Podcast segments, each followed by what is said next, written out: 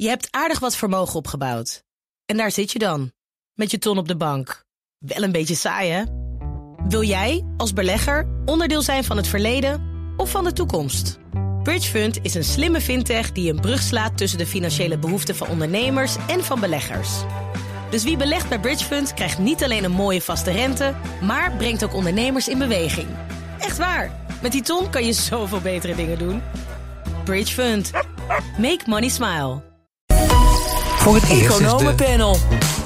voor het eerst is de Europese staatsschuld groter dan de omvang van de economie. Maar volgens ABN AMRO is het nog lang geen tijd om op de centen te passen. En ondanks de crisis blijft het aantal werklozen gestaag dalen. We gaan het allemaal bespreken in, je hoort het al in het Economenpanel... met Steven Brakman, hoogleraar internationale economie... aan de Rijksuniversiteit Groningen. En Nora Neutenboom, econoom bij ABN AMRO. Welkom. We beginnen met de staatsschuld. Want voor het eerst is de Europese staatsschuld groter dan de omvang van de economie. In eerste instantie lijkt dat schrikken. Door de coronacrisis hebben veel landen zich in de schulden gestoken. Maar volgens ABN Amro is het nog lang geen tijd om op de centen te passen. Eh, Steven, sta je achter het eh, advies om eh, vooral te blijven investeren? Eh, Nou, op korte termijn wel. Dus wat eh, al die regeringen hebben gedaan, dat is heel goed geweest. Ze hebben voorkomen dat die bedrijven failliet gingen door corona. Eh, ze hebben veel geld uitgegeven. Het begrotingstekort na- nam daardoor toe en ook de staatsschuld. Maar het moment om daar eens een keer mee te stoppen, dat breekt nu ook wel aan. Ehm, Maar wanneer dan? Nou ja, wat, wat, eh, wat veel kabinet, of regeringen doen, die gaan eigenlijk op de stoel van ondernemers zitten. Dus door bedrijven overeind te houden die misschien failliet zouden zijn gegaan. ehm, Hadden ze dat niet moeten doen dan? nou ja, nee, op korte termijn is wel. Maar nu, zeg maar anderhalf jaar later, eh, is het moment ook wel aangebroken om eens een keer na te denken om, om je niet terug te trekken. Dus die eh, regeringen die zitten dus eigenlijk op de stoel van, van ondernemers. Voorkomen daarmee ook eh, aanpassingsprocessen die onherroepelijk gaan komen. En ik denk dat eh, het goede is nu nou ja, geweest. Of dat breekt nu aan. En ik denk dat het ook wel tijd is om een keer een stap terug te doen. En dat eh, regeringen moeten nadenken over hoe komen we nu precies uit deze, eh, deze steunmaatregelen. Je kunt niet eindeloos een economie eh, door middel van eh, staatssteun overeind houden. Dus die, die periode breekt nu aan. Nou, Nee, het geeft ook een veel te groot vertekend beeld. Hè? Van, kijk eens even aardige cijfers. En, en anderen zeggen, nou, wacht maar op wat er komen ja, gaat. eh, wat- nog één Ja, enkele opmerking. Nou, vooruit. Sorry, we- Steven wil nog even. Wacht rustig af. Nee, ga Nee, rustig. Nee, wij lopen even weg. De, de steunmaatregelen gaan nu door tot, tot en met het derde kwartaal. Nou, dat is prima. Daarna zouden we moeten nadenken om het te stoppen. En niet alleen in Nederland, maar ook Europees breed. Ja, kijk, Nou, ik denk wat, wat Steven hier zegt is helemaal waar. En dat zit ook grotendeels al ingebakken in de steunmaatregelen. Hè. Dus bijvoorbeeld de NOW, dat krijg je alleen als je een bepaald omzetverlies hebt. Dus zodra de economie weer aantrekt, bedrijven weer omzet gaan maken, krijgen ze helemaal geen NOW, TVL en allerlei steunmaatregelen meer. Dus wat ze wel zeggen, die ademen mee. En die zullen ook automatisch worden afgebouwd op het moment dat de economie weer open gaat. Ik ben wel me- met Steven eens van ja, er is een keerpunt. Op een gegeven moment moet je ook zeg maar, de vrije markt weer zijn gang laten gaan. Ja. En moeten bedrijven weer op hun eigen voeten staan. Maar toch even, ik weet het af is, of is dat- te makkelijk om, om dat keerpunt. Ik weet dat het heel makkelijk gevraagd is. Hè, maar Ja. je wilde toch wel heel graag weten waar het ongeveer ligt, het keerpunt. Is het, een, is het een bandbreedte van twee tot vijf jaar? Of kunnen we het me- Nee, beter ik, ik aangeven? wilde net zeggen, ik vraag me af of dat keerpunt nu al is aangebroken. Ik denk dat we de economie nog even wat tijd moeten geven om op gang te komen. En ik denk nu, wat het kabinet heeft aangekondigd, in oktober gaan we die steunmaatregelen afbouwen, dat dat eigenlijk een heel goed moment is. En kijk, die staatsschuld, ja, eh, die is flink opgelopen. Maar die steunmaatregelen zijn allemaal eenmalige uitgaven, one-offs. Dus die gaan volgend jaar niet meer plaatsvinden. We lenen natuurlijk tegen een enorm lage rente. En we hebben hier met deze steunmaatregelen een enorme economische crisis voorkomen. En daarmee enorm veel faillissementen. Dus wat mij betreft is dit echt een goede zet geweest. In oktober langzaam afbouwen, mits de Delta-variant niet op wat voor een of andere beneden, eh, grond eh, hier in Nederland weer zich gaat verspreiden. Dan is het belangrijk om meer steun te leveren. Maar volgens mij zit, vind ik dat eh, de huidige planning er goed uitziet. Ja, dat betekent dat je dus toch ook het risico gaat nemen. Maar dat zal op een gegeven moment ook moeten natuurlijk. Hè? Dat je op een gegeven moment denkt, ja, eh, jammer, maar eh, dan gaan een aantal bedrijven maar failliet. Precies. En ik denk eh, waar, het aan ontbreekt. Nou ja, Nederland die stopt met die eh, steunmaatregelen eh, aan het einde van het derde, derde kwartaal, mits het goed gaat. Hè. dat is heel goed. Maar ook Europees breed, denk aan het beleid van de ECB. daar ontbreekt het ook aan een goed exitbeleid. Dus wanneer stoppen, we nu, wel, ja. wanneer stoppen we nu met die steunmaatregelen? Dat grote opkoopprogramma, de lage rente. Kijk, de ECB heeft na de financiële crisis van 2009 ontzettend goed werk gedaan. De regeringen lieten het afweten. Die gingen bezuinigen op precies het verkeerde moment. En de ECB die sprong in het gat. En dat hebben ze heel goed gedaan. Nou, het was inderdaad ook een mooi afschuiven voor regeringen. Het was ook vrij gemakkelijk natuurlijk. Precies. Laat de ECB maar zijn ja, best doen. Nee, dat, dat, is, dat is wat er gebeurd is. Nou, dat hebben ze heel goed gedaan. Alleen het probleem nu is dat er geen, goede, geen goed moment is om, om dat af te bouwen. En ik denk dat de ECB daar veel duidelijker over moet zijn. Dus de, de laatste uh, persconferentie van Christine Lagarde heeft ze toch weer wat vaag gehouden. Gezegd van nou ja, de inflatiedoelstelling moet rond de 2% zijn. Ja. Dus niet 2%, maar rond de 2%. En dat geeft weer een mogelijkheid om dat, uh, het stoppen met die steun, met, of met, met het opkoopprogramma en de lage, het lage rentebeleid, om het weer uit te stellen. En ik denk dat dat verkeerd is. Daar, moet, daar moeten we ook een keer mee stoppen. Omdat wat in Nederland speelt, waar we het net over hebben gehad, dat speelt Europees breed ook. Ook daar moeten we een keer stoppen met uh, dit beleid, wat toch een, een storende factor in de economie Ja, maar dat kun je heel vaak roepen. En, en ik, ik wil niet eigenwijs gaan doen. Er zijn meer economen die dat roepen, maar daar eh, letten ze niet op bij de ECB. Dit gaat nog heel lang door. Helaas. Maar ik, ik denk dat het keermoment ook daar een keer moet komen. En ik denk dat de ECB, die, die is natuurlijk heel bang als ze zeggen: ja, we gaan de rente met 1 procentpunt verhogen. Tuurlijk. Dat, dat is natuurlijk heel raar. Maar stel dat ze dat zouden doen, dan storten die beurzen in elkaar, dan krijg je een hoop gedoe. Dus wat ze zouden moeten doen, is veel mechanischer zeggen: kijk, als de economie nou met Europese economie met een bepaald percentage groeit, dan gaan we de rente uh, langzaam verhogen. En dat niet iedereen schrikt. Nou, en dat ontbreekt eigenlijk aan het ECB-beleid. Nou ja. Volgens mij moet de ECB helemaal niet naar de groei kijken. En volgens mij moet de ECB voornamelijk naar de inflatie kijken. Die hebben natuurlijk gewoon een inflatiedoelstelling. Die inflatiedoelstelling die is al jaren achterin niet gehaald. Die inflatiedoelstelling ligt nu inderdaad rond de 2%. Dus hij mag ook een beetje overshoot, omdat hij al zo lang heeft geundershoot.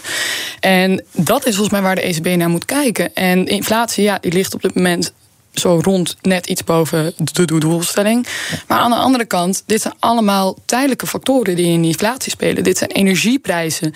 Dit zijn de bottlenecks van producenten in het buitenland die niet konden bijbenen hoe snel de economie in de westerse economie weer open gingen. Het zijn allemaal tijdelijke factoren. Als die tijdelijke factoren zich er langzaam uitbewegen en dat gaat aan het einde van dit jaar gebeuren, dan schiet die inflatie weer onder die 2%.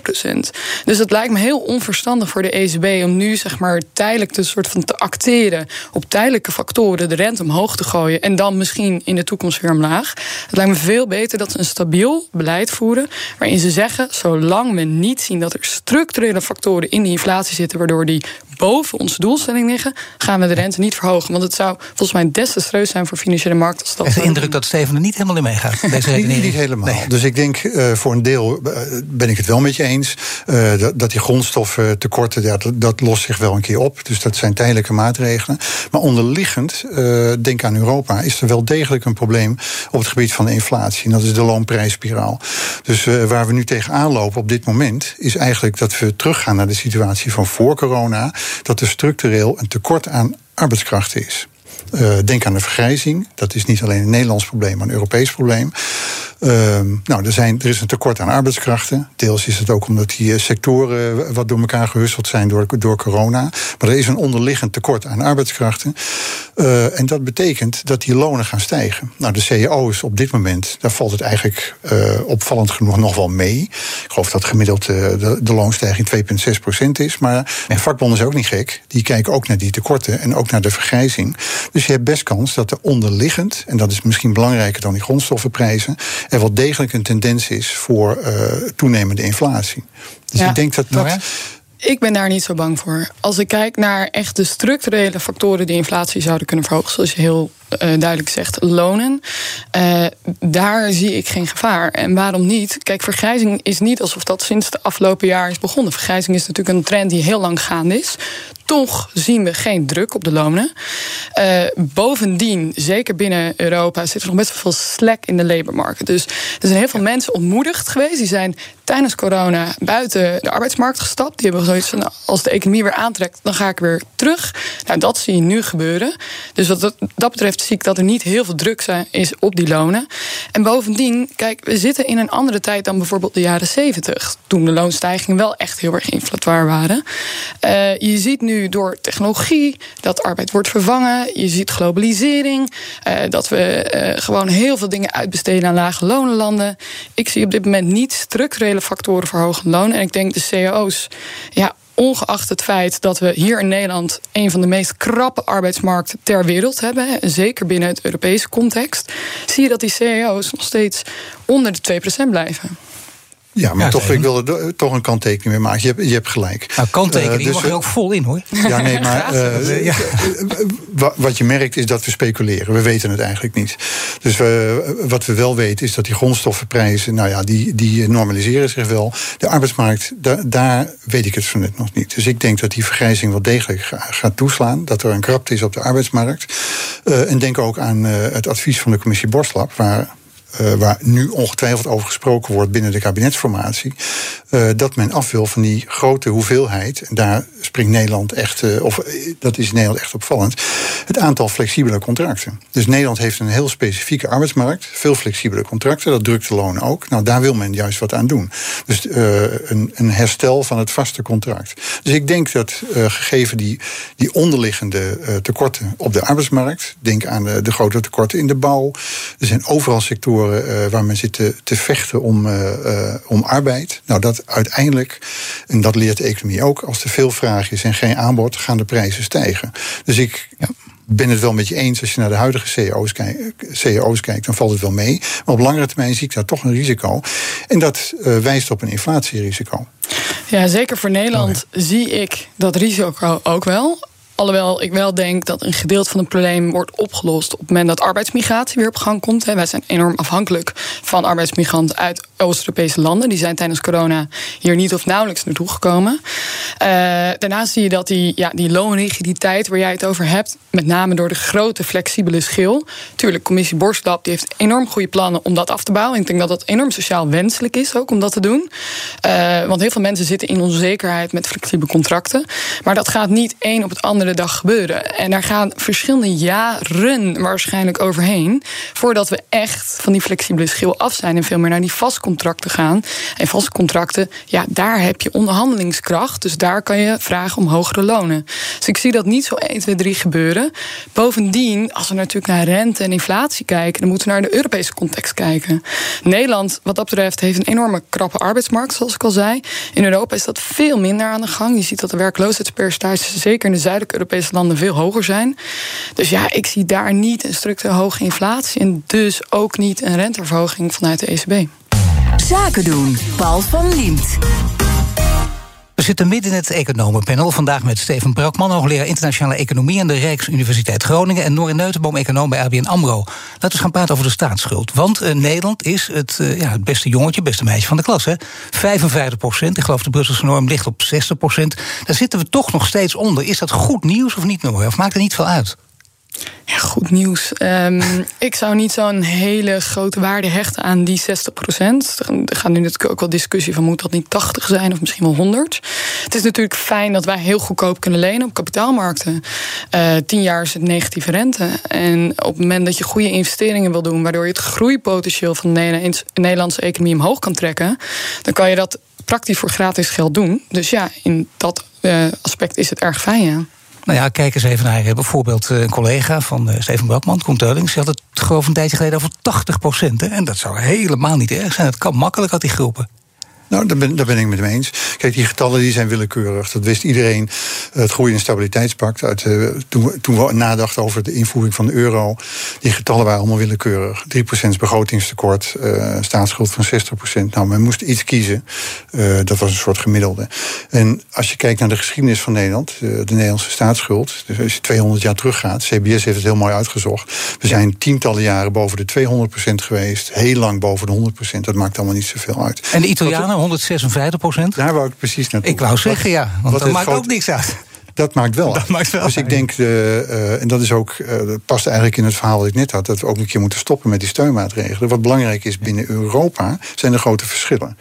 Uh, denk aan Griekenland, staatsschuld van boven de 200 procent. Italië, ik geloof kleine 160. Duitsland 70. Nederland is inderdaad het beste jongetje van de klas. Maar die verschillen zijn heel groot. Dus op het moment dat we weer in een wat normalere omstandigheden terechtkomen, dan heb je kans dat die financiële markten, net zoals ze dat in 2010, 2012 hebben gedaan, dat ze toch met argusogen gaan kijken, ja, welke regering is in staat om de rente, die rente gaat hopelijk toch ook weer eens een keer stijgen, om die rentelasten te dragen. Nou, in Griekenland was het destijds een groot probleem. Hè. Dat was bijna een bom onder de euro. Maar nu, uh, toen was de staatsschuld, wat was het? Onder de 150 procent. Het is nu 200 procent. Dus het kan best zijn dat die financiële markten weer nerveus worden. als we weer in normale omstandigheden terechtkomen. En dat we een herhaling krijgen van, uh, van die periode, 2012. toen echt enorme grote steunpakketten in richting van, van Griekenland vloeiden. Dus ik denk dat het niet zozeer dat getal is. Dus die 60 procent, uh, dat is vrij willekeurig. Maar de grote verschillen binnen, binnen het eurogebied. De extreme verschillen, mag je inderdaad zeggen. Vinden jullie het goed als we even naar het nieuws gaan? Want jullie weten het, hè? Een uurtje geleden ongeveer. Toen ging het over die, die evenementen. Mensen die zaten er echt met argusogen naar te kijken. En nog steeds, veel mensen hebben ermee te maken. Wat zou het kabinet gaan doen? Wat zouden ze willen? Want kleine evenementen zijn vanaf 14 augustus onder strikte voorwaarden weer mogelijk. Dat heeft het demissionair kabinet bekendgemaakt. Dus wel of niet, onder strikte voorwaarden heeft het kabinet gezegd, zijn ze mogelijk. En we luisteren naar een stukje van de persconferentie. Voor zo'n uh, ongeplaceerd eendaags evenement geldt een maximum van 750 deelnemers. Dan geldt dat uh, uh, de uh, plek waar het plaatsvindt open lucht is... of een tent die helemaal open is. Dus van vier kanten moet de lucht naar binnen kunnen. Dus alleen maar een soort dekcel tegen de regen. Dat mag wel, maar geen tent die aan één kant gesloten is. Dus de tent moet helemaal open zijn. Of open lucht. Voor de bezoekers geldt uh, dat zij uh, ofwel uh, volledig gevaccineerd zijn... ofwel het virus hebben doorgemaakt in de afgelopen zes maanden... dan wel een testuitslag hebben via testen voor toegang... via de Stichting Open Nederland... dan kunnen ze naar binnen en ze moeten ook een, een ticket hebben. Dan geldt voor iedereen dat we dringend adviseren... om je vijf dagen na afloop uh, uh, een zelftest te doen. Omdat je toch met veel mensen bij elkaar bent geweest. Uh, ook als je gevaccineerd bent. Een zelftest te doen. vijf dagen na afloop. Om te kijken of je onverhoopt het virus toch hebt opgelopen. Ja, wij staan hier heel goed naar de premier, de demissionair premier te luisteren. Vanaf 14 augustus onder strikte voorwaarden. Wat hij daar allemaal over zegt. Hij weet ook alles van die tenten, hoe die open moeten zijn, hoe het in elkaar zit, alle details. Het is weer ingewikkeld genoeg, of niet, Steven? Dan is het meteen duidelijk wat je hier hoort.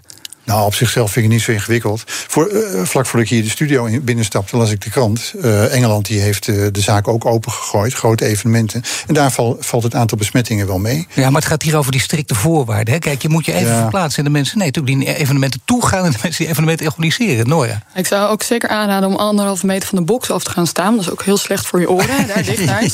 Nee, kijk, wat volgens mij hier het probleem is, is dat het een beetje wisselend is. dus we hebben natuurlijk twee weken geleden gehoord, oké, okay, grote evenementen, zeker tweedaagse evenementen, kunnen niet doorgaan. Vervolgens kan het wel onder strikte voorwaarden dat tent A, onder voorwaarden A, B en C open kan. Kijk, voor de eventbranche, die plannen altijd lang vooruit. Ja, en uh, de eventen zouden plaatsvinden in juli, augustus, misschien begin september. Dus dit is too little, too late. Uh, en ja, ik denk zeg maar met dit zwabberbeleid uh, schiet de eventenbranche niet zo heel veel op. Nou, dat is het. Hè. Dat, zo wordt er vanuit die evenementenbranche inderdaad naar gekeken naar zwabberbeleid. Want je hebt gelijk al die leveranciers, iedereen, die hele keten met een lelijk woord die ermee te maken heeft, Steven. Dat is toch niet iets om, om je schouder op aan te voorbij te gaan. Nee, maar ik vind ook die. Uh, we worden allemaal heel zenuwachtig als het beleid verandert. Maar uh, dat is niet zozeer door, uh, door het kabinet, maar door corona. Dus nu en dan flakkert dat op. Ik weet bijna zeker dat na Delta-variant komt er een Gamma-variant. en dan moeten we misschien weer wat meer dicht. En dan moeten de restaurants misschien. Ik denk dat we daar aan moeten winnen. dat zolang we niet echt definitief heel goed gevaccineerd zijn, dat dat beleid dus nu en dan zal veranderen. Ja, ik denk dat dat niet zo vreemd is. Nou ja, dat, gaat dus, dat is nogal wat. Dat gaat dus over leren leven hiermee. Dat betekent dat het heel veel vragen oproept. Hè. Zoals jij het nu zegt, denk je, nou, dat is eigenlijk vrij gemakkelijk. Maar als je in deze branches werkt, of als je uh, geen vaste baan hebt, bijvoorbeeld, je ziet de verschillen ook ontstaan. Ja, daar kijken mensen heel anders tegenaan als je nee, dat, dat vrij in het leven staat. Als je zakenman bent, ondernemer. Dat begrijp ik ook wel. Maar het kabinet doet het niet om te pesten. Ze doen het omdat ze geconfronteerd worden met, met, een, met een virus. wat over ons heen getenderd is. Ja, dat is niet anders. Dus ik denk dat we toch. Maar ja, maar een zwabberbeleid, wat Noor zegt, dat is natuurlijk wat anders dan een goed beleid. Ja, je kunt, uh, uh, je kunt dingen doen. Denk aan de ventilatie. Hè. Dat is toch een beetje vreemd gegaan. Uh, het ventileren van restaurants. Maar dat werd een jaar geleden werd het al aangegeven. Hoe belangrijk dat was ook in het onderwijs. Het was een jaar stil. En dat is eigenlijk zijn die ventilatie-eisen verslechterd in plaats van verbeterd. Dus dat, dat soort dingen, daar kun je natuurlijk wel wat aan doen. Maar het punt dat we hiermee moeten leren leven, is er denk ik wel. Dus dat er zo nu en dan nieuwe maatregelen komen. Ja, ik denk dat het toch een kwestie is van uh, ja, zo is het niet helemaal. Nou, uiteraard over deze kwestie straks veel meer hier bij ons op BNN Nieuwsradio. Uh, laten we eens gaan praten over bijvoorbeeld zaken die, uh, die ook spelen tussen landen die ver uit elkaar lopen. De rijke en de arme landen, want dat zien we nu natuurlijk ook. Dan gaat het over de groeivooruitzichten. het Internationaal Monetair Fonds vreest dat corona de kloof in de wereldeconomie alleen maar groter maakt. Stellen ze in hun nieuwste World Economic Outlook. IMF heeft de groeiverwachting van de opkomende economieën bijgesteld. Dan gaat het over landen als India, Indonesië, Vietnam. Die hebben ze verlaagd. Kunnen we dat wijten aan die lage vaccinatie gaat bijvoorbeeld, Noor, heeft dat ermee te maken? Zeker, absoluut. Dus je ziet natuurlijk in dat die landen uh, de vaccinatiegraad veel lager is dan in ontwikkelde economieën. Waardoor uh, de, ja, de nieuwe Delta-variant ook voet aan de grond krijgt. Maar volgens mij is het meer dan dat. Het heeft natuurlijk ook te maken met uh, instabiele politieke systemen, instituties die niet goed werken.